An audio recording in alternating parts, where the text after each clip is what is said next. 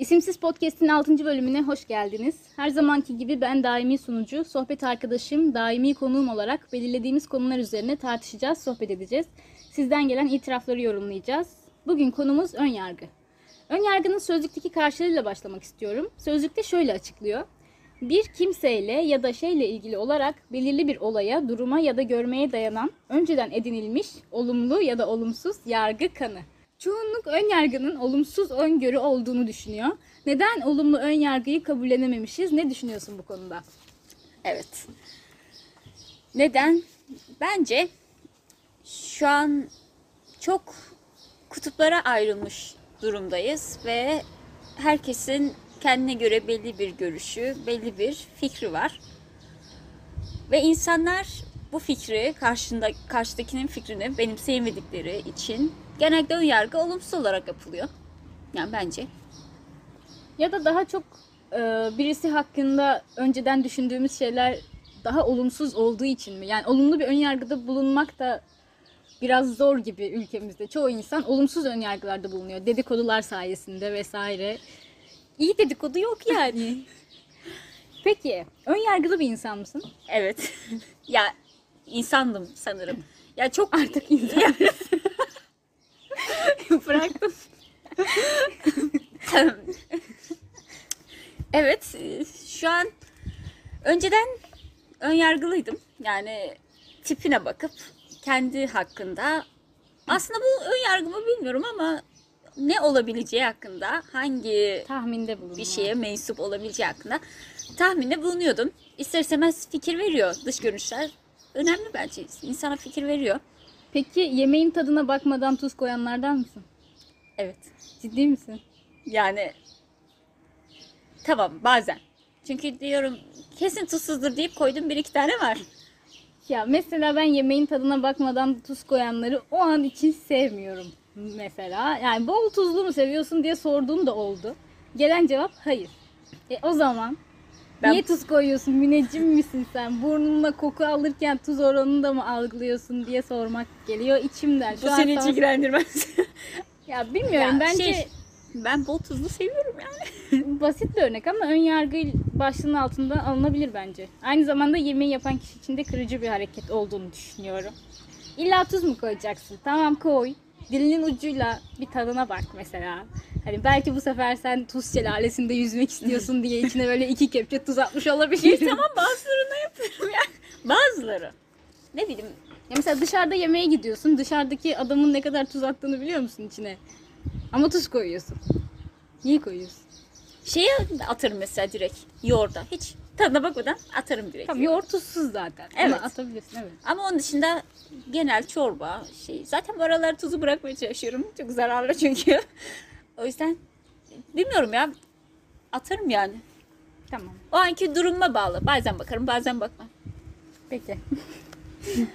ben yemek yaparsam önce tadına bakalım olur mu? Şey tamam. Peki sana ön yargılı yaklaşanlar oluyor mu? Bilmem. Oluyordur. Çünkü sonradan duyduğum şeye göre çok şey geliyor. Sinir bozucu bir tipsin. Yaklaşımı var bende. Öyle mi? biraz öyleyimdir.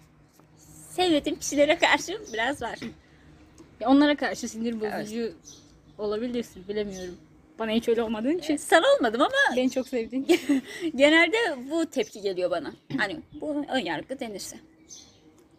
Yani bana soracaksan eğer sen de bu soruyu. evet sorayım. Evet. Bana Sordum sen. hep ön yargılı yaklaşılıyor. Yani lise yıllarımın ortalarına kadar şey çok fazla söylendi görünüşümden dolayı galiba.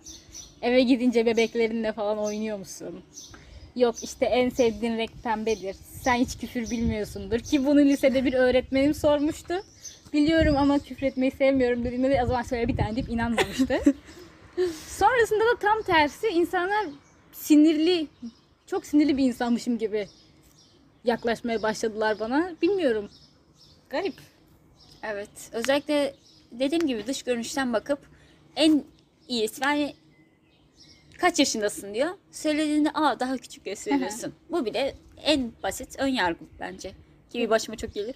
Bir de çoğu erkek mesela bir kıza hediye alırken en pembesini seçiyor. Sordunuz mu en sevdiği rengi yani mesela Düşünülen şey şu, e, kızlar pembe sever. Renklerin cinsiyeti olmadığını bir türlü öğretemedik. Sen pembe seviyor musun sen? Ben her rengi severim. Peki. Çünkü her renk her bir şeye yakışıyor. O anki şeye bağlı olarak. Ya mesela ben çok tercih etmiyorum pembe kullanmayı. Ben de tercih etmiyorum ama bu çok pembe değil. Belki toz pembe açık olarak olursa. Ama onun dışında Evet pudra rengi gibi falan. yani renkler güzel. Peki şimdi geliyorum. Az önce e, podcast çekmeden önce ister istemez konuyla ilgili biraz konuştuk. Ben de cevabı merak ettim ama az ö- biraz sonra sana soracağım dedim. Şu an o soruya geldim. Seninle tanışmadan önce bana karşı bir ön yargın var mıydı diye sormuyorum. Varmış. Neydi? Onu anlatmanı istiyorum şu an. Şey hatırlamıyorum ön yargı- Ha şey sadece silik bir tip. o yüzden bir ön yargım oluşmadı sana karşı. Sadece Çok ön falan ön sırada oturduğun için çalışkan, kendi halinde sessiz sakin bir görünüm oluşturmuş olabilirsin. Belki o an onu düşünmüşümdür. Ama hani ilk geldiğinde herhangi bir ön yargım olduğunu hatırlamıyorum. Hatırlasam kesin anlatırdım. Emin olamadım şu an. Sana karşı değil, başkalarına karşı vardı. O vardı ama sana karşı yoktu herhalde ya. Bilemedim. Peki. Ama yoktur, bana güven. Yani Varsa da bunları geçmişte bırakmanın zamanı geldi. benim kötü bir ön yargım yoktu. Benim olumlu bir ön yargım vardı sana karşı. Tatlı görünüyordu. O yüzden Thanks. arkadaş oldum sizle. Zaten ben sizle arkadaş oldum. Siz ön sıraya hiç uğramadığınız için ben arkaya gelip Ama bizim de durumumuz oydu yani. Biz arka sırada oturmayı seviyorduk. O yüzden ama bak arka sıraya gelip gerçek dostlarını edindin. Bu yüzden arkadaşlar arka sıralarda oturun. Ön sırada ders dinlemekle bir şey olmuyor. Evet. Ee, şimdi şeyden bahsetmek istiyorum. İki sene önce İzmir'de bir seminere katılmıştım. Ön yargıyla ilgili olduğu için anlatmak istedim. Orada şunu öğrendim. Herkes ön yargıda bulunur. Bu insani bir şey. Bir tehlike olup olmadığını anlamak için karşı tarafa baktığımızda bunu 5 saniye içinde değerlendiriyoruz. Ve o kişiyle yıllar süren arkadaşlıklarımız da olsa bizim gibi ilk görüşte karar verdiğimiz o 5 saniyelik değerlendirme sonucuna göre yargılıyoruz onu ne kadar zaman geçerse geçsin. Mesela ben seni ilk gördüğümde gülümsüyorsan böyle çok neşelisin, kahkaha atıyorsun falan. Seni e, pozitif, çok mutlu bir insan olarak değerlendiriyorum. Mesela yıllar geçiyor. O 5 saniye gülümsediğin için sen mutlu bir insansın benim için. Seni üzgün gördüğümde sanki insani bir duygu değilmiş gibi yargılıyorum seni. Ya da tam tersi ya mesela bir şeye çok sinirlenmişsin o anda. Sinirini dışarı yansıtıyorsun. Ben de seni o anda görmüşüm. Normalde ne kadar sakin bir insan olursan ol, aradan 20 sene geçmiş olsun. Ufak bir olayda sana diyorum ki, sen zaten sinirli bir insansın. Çok sinir bozucu değil mi? Evet. yani haklı ama aslında ilk görüş önemli. Onu ilk tanıdığın hali önemli. Ama insanlar yani uzun bir süre 10-20 yıl bu yüzden ve insan her duyguyu yaşıyor. Evet. O zaman ona denk gelmiştir. Ama içimizde oyun yargı hep olduğu için direkt hafıza onu hatırlıyor. Evet. Seni öyle kaydettiği için. Ama ben seni hiç öyle kaydetmedim. Nasıl kaydettin mesela beni? Şey tatlış bir insan olarak kaydettim. Tamam ben de seni tatlış bir insan olarak kaydettim. O yüzden üzülmeye hakkın yok. Ama sinirlen, sen sinirlendiğinde, üzüldüğünde bunu gayet doğal karşılıyorum yani. İlk Evet. nasıl gördüysem bizde o yok bence. Daimi konum sinirlenmiyor ya da üzülmüyor bilmiyorum. İnsani duyguları yok gibi ya da hiç dışarı yansıtmıyor. Kaç senelik arkadaşım ama bir şeye ne çok üzüldüğünü ne çok sinirlendiğini hiç görmedim. Üzüleyim mi? Hayır. Ki şu an seninle podcast yaptığım için üzgünüm mesela. Ben o zaman e, seminer hakkında biraz daha konuştum. Tabii devam et. Üzgün olduğunu duymazlıktan geliyorum. Şaka yaptım zaten. Tamam, çok komikmiş. Üzülme. Bu seminerde vurgulanmak istenen aslında gülümsemenin önemiydi. Yani genel olarak güler yüzlü bir insan olduğunuzla sizle tanışan insanlar size sempati duyar ve tehlikeden uzak olduğunu düşünüp size güvenir. Bu da aklınızda bulunsun diyorum. Belki hayatınızda uygular güzel sonuçlar alırsınız sevgili dinleyicilerimiz. O zaman biraz da ön yargıyla yaklaşılan gruplara, mesleklere değinelim istiyorum. evet. Yetenek gerek- gerektiren çoğu meslek grubuna karşı ön yargı mevcut. Özellikle ülkemizde. Mesela bir müzisyen, dansçı ya da çizere karşı işte derslere kafası basmıyor. Aklı fikri eğlencede. Boş işlerle uğraşıyor. Ondan bu işi yapıyor falan deniyor.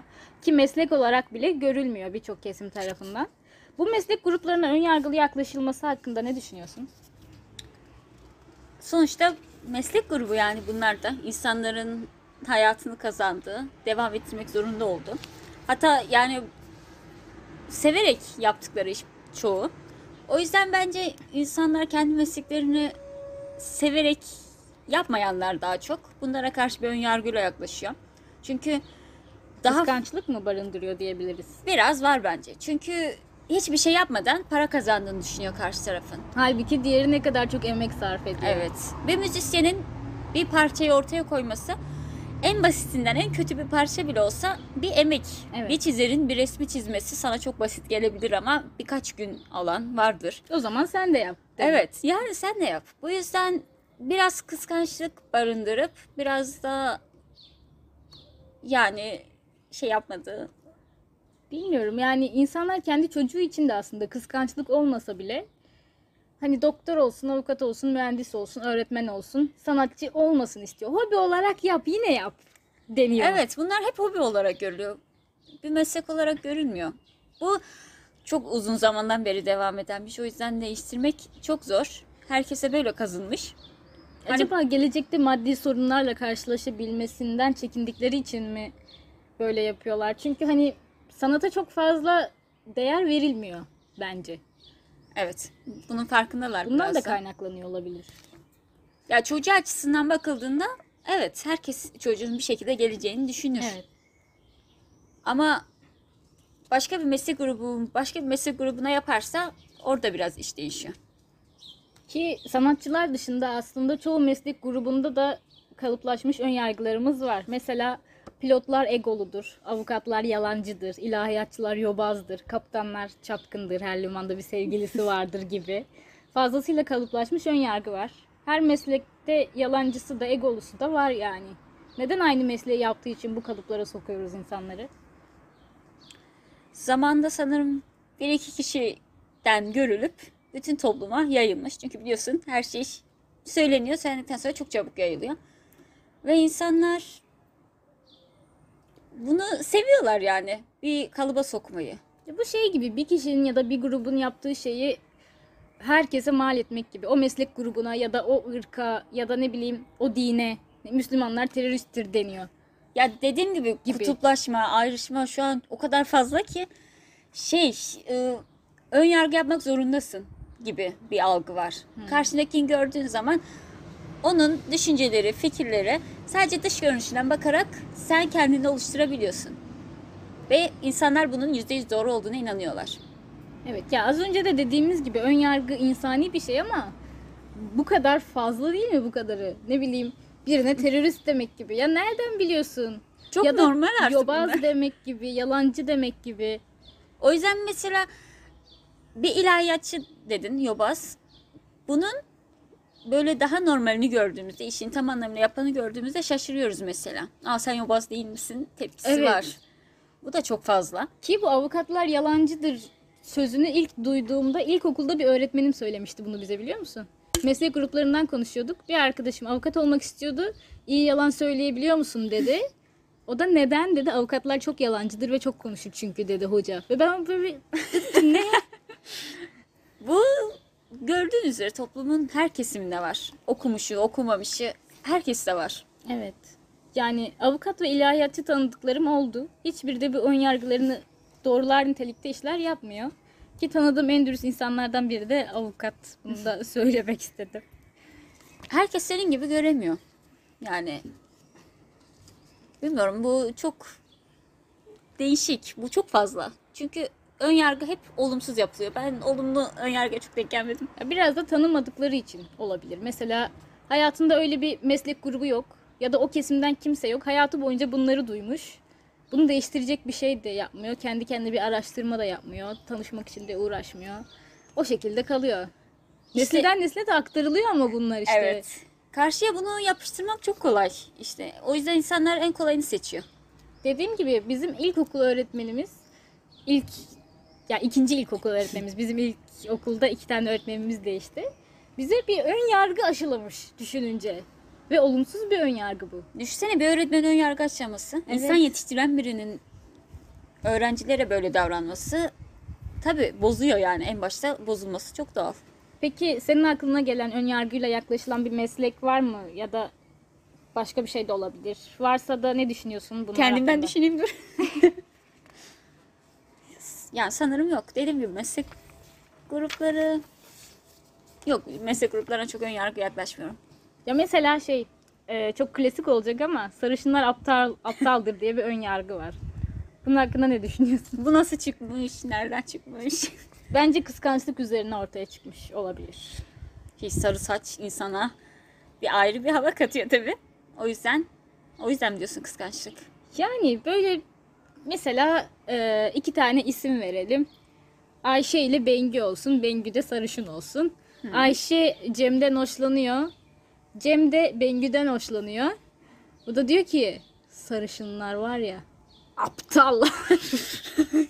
Çok işten söyledin. Sonra Ayşe'nin bu yandaşları da bakıyor onlar da kendi hoşlandıkları kişiler sarışınları tercih ediyor. Halbuki mesela sadece sarışın tercih etmemiş. Esmer de tercih etmiş ama sarışınlara bir ön yargı var ya diyor ki ya bu sarışınlar gerçekten aptalmış yani dediğiniz doğruymuş falan diyor. Böyle böyle kıskançlık sonucu bence sarışınlar aptaldır kalmış. Evet ki değildir.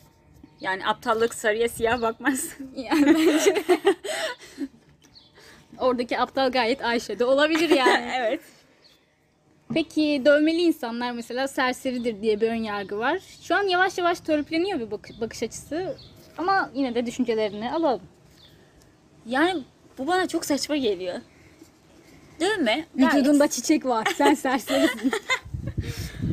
dövme gayet normal bir şey.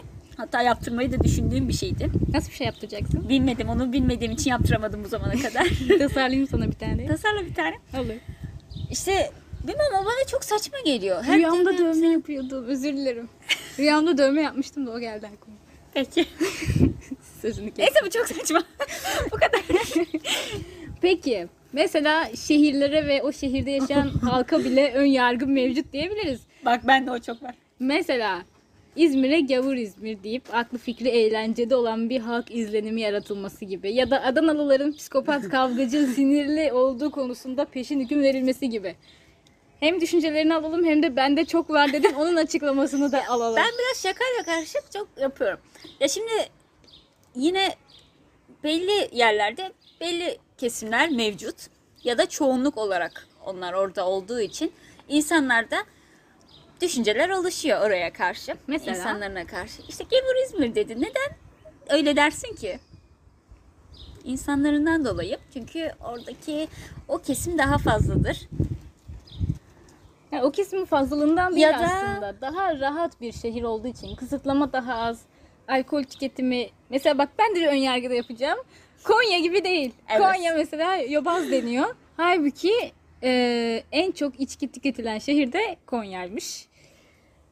Bastırılmış duygulara geliyor burada Evet. iş.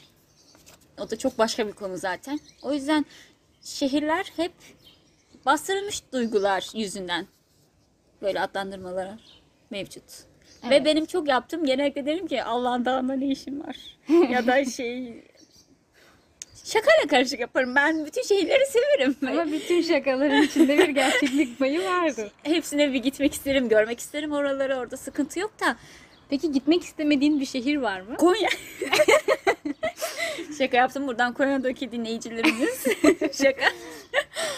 Ya, gitmek istemedim. Yok. Yani hepsine gitmek, görmek isterim ki gördüğümde belki düşüncelerim değişecek. Burada aslında şehirlere karşı bir önyargım var mı diye test etmek istemiştim ama başarıyla geçtin. Tebrik ederim.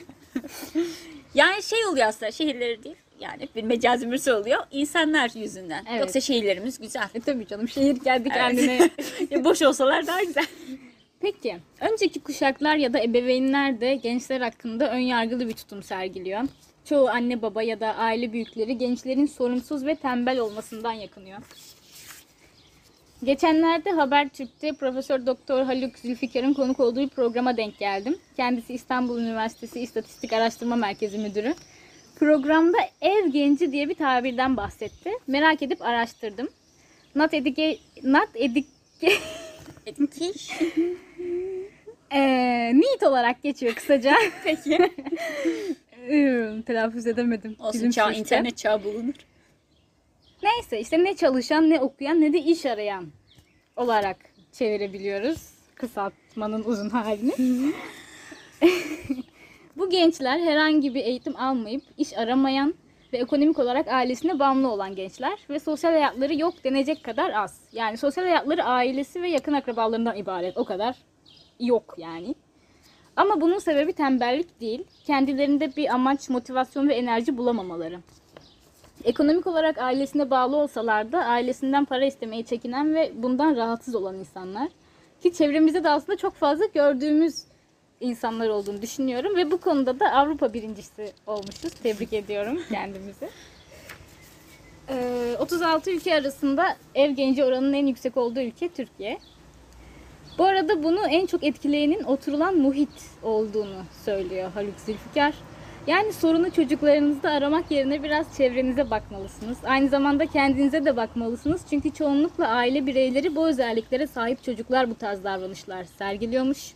Aklıma gelmişken söylemek istedim. Belki konuştuklarımız bazı ebeveynlere ulaşır. Bir gencin hayatına dokunuruz. Sen ne düşünüyorsun bu ev genci ile ilgili? Zaten şey gençlerin genel olarak mutsuz olduğundan bahsetmiştik. Bunlar daha mutsuz olan kesim ama aile tabii ki önemli kavram. Çünkü ailesinde ne görüyorsa küçüklükten başlayarak ona devam ediyor. Yani Ya ki ailesi mesela ikisi de annesi babası da çok başarılı, çok önemli yerlerde olabilir ama çocuğunuzu tembel görmeniz, bir işe yaramıyor gibi görmeniz aslında çocuğun tembellikten tembelliğinden dolayı kaynaklanmıyor olabilir. Motivasyonu yok çocuğun, enerjisi yok, yaşama sevinci yok. evet, işte bunu vermeleri çok önemli. O sevinci, motive etmeyi sağlamak önemli. Bu da en önemli görev yine aileye düşüyor zaten. Evet. Aile yapmalı. Ailede başladıktan sonra çocuk zaten gider eğitimini de alır, sosyal çevresini de edinir. En azından ailenin farkında olması lazım bu konuyla ilgili. Evet. Çocuklar farkında olsa da olmasa da o motivasyonu bulamadıkça bir şey yapamayacak. Ama aile farkında olursa ona göre yönlendirebilir bence. Tek bırakılmış çocuk diyebiliriz yani bunlara. Evet. Ailesi tarafından bile tek bırakılmış. Ön yargı konusuyla ilgili değinmek istediğin bir nokta ya da eklemek istediğin bir şey var mı? Program başlamadan önce bir şeyden bahsedelim dedik ama hatırlamıyorum ben onu. Sen hatırlıyor musun? Hayır. tamam eklemek istediğin bir şeyler var mı? Eklemek istedim. Yok. Yani şey olarak ön yargı, aşırı ön yargı kötü. Yerini tanımadan onun hakkında bayağı olumsuz ön yargı vermek kötü. Yemeğin tadına bakmadan tuz atmak kötü. Tamam yapmayacağım ya. yani hadi yemek neyse de bir insan için yaptığına bu daha kötü oluyor. evet. O yüzden olumsuzu bırakıp onda iyi yönü de arayabiliriz. Ama onun dışında insanların bazı tecrübeleri var, hayat tecrübeleri. O yüzden bir insanı gördüğünde ona hakkındaki düşünceleri doğru da çıkabiliyor. Hı hı. O yüzden do, yani ön yargıyı doğru yapmak önemli karşındakine. Ne Evet. kendin yani karşındakini kırmayacak şekilde. Sonradan tanıştığında mesela seni hiç sevmiyorum dediğinde biraz kırıcı oluyor mu? Sen bilirsin bu duyguyu. Az önce söylediler bana programdan önce. Ya bir küçük burkuldu kalbim böyle kırılmadı ama ve bir yamuldu. Evet o kadar da olur. O zaman itiraf köşesine geçmeden konuyu Doğan Güceloğlu'nun bir sözüyle bitirmek istiyorum. Ön yargı arı soktu diye bal yememektir demiş. Güzel, güzel demiş. O zaman itiraf köşesine geçiyoruz. Birinci itiraf. 19 yaşındaydım. Kuyumcuda altın kolyemi bozdurdum. Cebimde yüklü para var. Alışveriş yapacağım. Ve sürekli cebimi kontrol ediyorum para düşmesin diye. Neyse ucuz bir oje aldım. Elimde oje varken yine cebimi kontrol etmeye çalışıyorum. Satıcı adam da bana bakıyor. Ojeyi cebime attığımı, hırsız olduğumu düşündü. Halbuki benim cebimde tomarla para vardı. Rezil olmuştum demiş. Öncelikle bence adamın yaptığı bir ön yargı değil. ya elinde ojeyle cebine baktığında ben olsam ben de öyle düşünürdüm. Ve rezil de olmamışsın bence. Yok bence de. Yani bu her insan başına gelebiliyor ki insanlar bunu daha çok hissediyor. Bir yere girdiğinde hani konumu düşmemek için elinden geleni yapıyorsun. Ya bir de şey var ya mesela polis arabası geçerken yürüyüşünü düzeltme. Ben daha gevşek yürümeye geçiyorum. Suçlu değilim. Toplumun şey bir biriyim Şey diye. rahatım. Bir saklayacak bir şeyim yok. Ya da şey böyle marketten falan hiçbir şey almadan çıktığında Değil insan mi? kendini çok kötü hissediyor. Ben de. Biraz azalmaya başladı o bende ama Bende de biraz.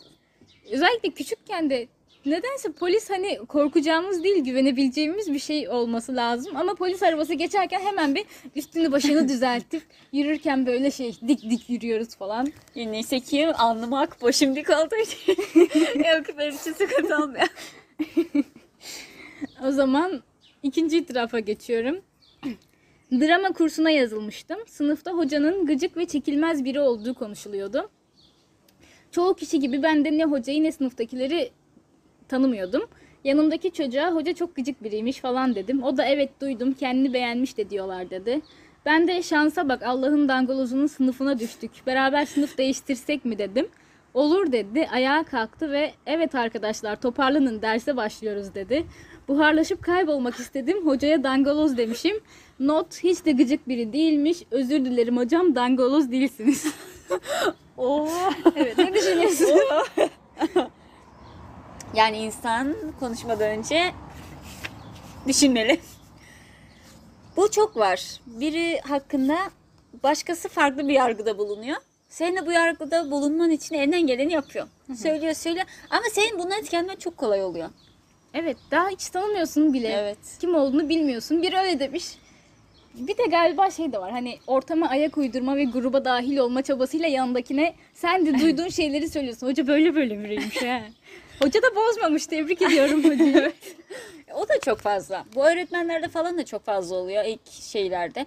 Ama mesela o arkadaş farklı şeye sahip. Hı hı. düşüncelere. O yüzden sevmiyor hocayı. Ama sen gördüğünde seviyorsun. Bunlar çok kişinin başına geliyor bence. Evet. Özellikle okul ortamında. Bende de benzer bir şey oldu ama kötü bir şey olmadı yani. Tiyatro kursuna gidiyordum ben de ilk dersti. Ben de kimseyi tanımıyorum.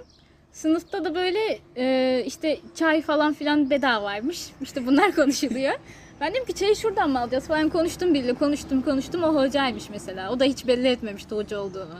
İnsanlar merak ediyor diyebilir miyiz o zaman? Kendi hakkında ne Olabilir. düşündüklerini. Mesela isterdim ben insanların benim hakkında ne düşündüğünü. Ben istemezdim çok takmadığım için. Ben yine merak ederdim. E bir ihtim mesela böyle bir özellik olacak. Diyecekler ki işte istediğin 5 kişi senin hakkında gerçekten ne düşünüyor? Bilmek ister misin? Elinin tersiyle iter misin yani? Beş kişi yeterli. Tamam beş kişiye tamam derim ama daha fazlasına gerek yok. Peki çok etkilenir misin düşüncelerini duyduğunda? Yani olumsuzsa eğer. yani olumluysa bu arada çok mutlu olurum. Ya da Olumsuz kendini değiştirmeye çalışır mısın? Kendimi değiştirmeye çalışmam. Sadece şu beni biraz etkiler. Bana karşı çok olumlu şeyler söyleyip aslında olumsuz şeyler düşünüyorsa niye düşündüğünü bana yansıtmıyor diye üzülürüm biraz. Çünkü bunun gibi bir olay da başıma gelmişti. Yurtta kalırken bir tane oda arkadaşım işte bana işte çok iyisin, çok tatlısın falan diyor sürekli. Neyse o ikinci öğretim ben de sabahtan çıkıyorum ya okula. Akşamları uyuyorum o da uyumuyor. Neyse ben yine gözlüğümü çıkardım yattım uyudum zannetmiş. Diğer kıza diyor ki ya şu da diyor ne gıcık nefret ediyorum falan filan. Ben o kadar çok üzüldüm ki bir de ağladığımı da belli etmemeye çalışıyorum. Ee, telefonumdan böyle alarm kurdum iki dakika sonrasında. Telefonum çalmış gibi yapıp dışarıda ağlamak için böyle bir rulo tuvalet kağıdıyla çıktım. Ağladım ağladım falan sonra geldim. Ben o gece hep ağladım. O yüzden ateşim falan çıktı. Ertesi gün hasta oldum. Sonra da İstanbul'daydı işte. Orada da henüz kimsem yoktu. Bir tek abim vardı. Ona dedim ki size geleyim mi? O da gelme dedi. Ondan sonra ben çok üzüldüm. Ateşim varken böyle dışarı çıktım. Galata'ya kadar yürüdüm ve gidip Galata Kulesi'ne sarılmıştım ağlayarak. Ya senden bir yıkılsın ya. ya Ama artık böyle şeylere o kadar üzülmüyorum. bunu şey için mi yapıyorlar Bu acaba? iki yüzlülük değil mi? Şey mantığı var. Bir gün işim düşer. Aramız iyi kalsın. Mantığı mı var acaba? Neden sevmediğin birini seviyormuş gibi davranırsın ki? Evet. Ya da hani sevmediysen nötr ol. Konuşma, iletişim kurma. Bu Hayır, daha mantıklı. Bir de ben sonra dedim şey şöyle düşündüm. Dedim ki yani hani gideyim konuşayım. Niye böyle yapıyor falan. Değmez. Gittim dedim ki ben dedim geçen gün benim hakkımda söylediklerinizi duydum dedim. Siz beni uyuyor sanıyordunuz ama daha uyumamıştım dedim. O da dedi ki seni duymama için çabalamadık ki istersen gel yüzüne de söyleyeyim. Neyse sonra diğer odadakilerle de sorun yaşadı o kız. Ee, herkes dilekçe yazmış onun hakkında. Sonra ben de yazdım falan.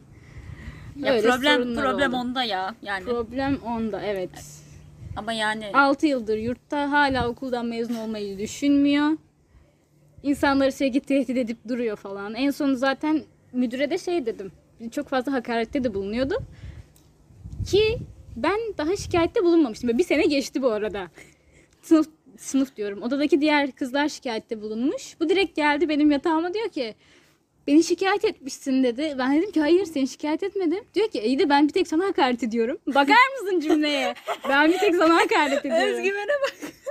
Sonra ben sinir oldum. Arkadaşınız da şey dedi. Ben bunları da gönderirim odadan falan dedi. Gittim ben de dilekçe yazdım. Bir de dedim ki eğer gerekeni yapmazsanız hakaretten dava açacağım kendisine dedim.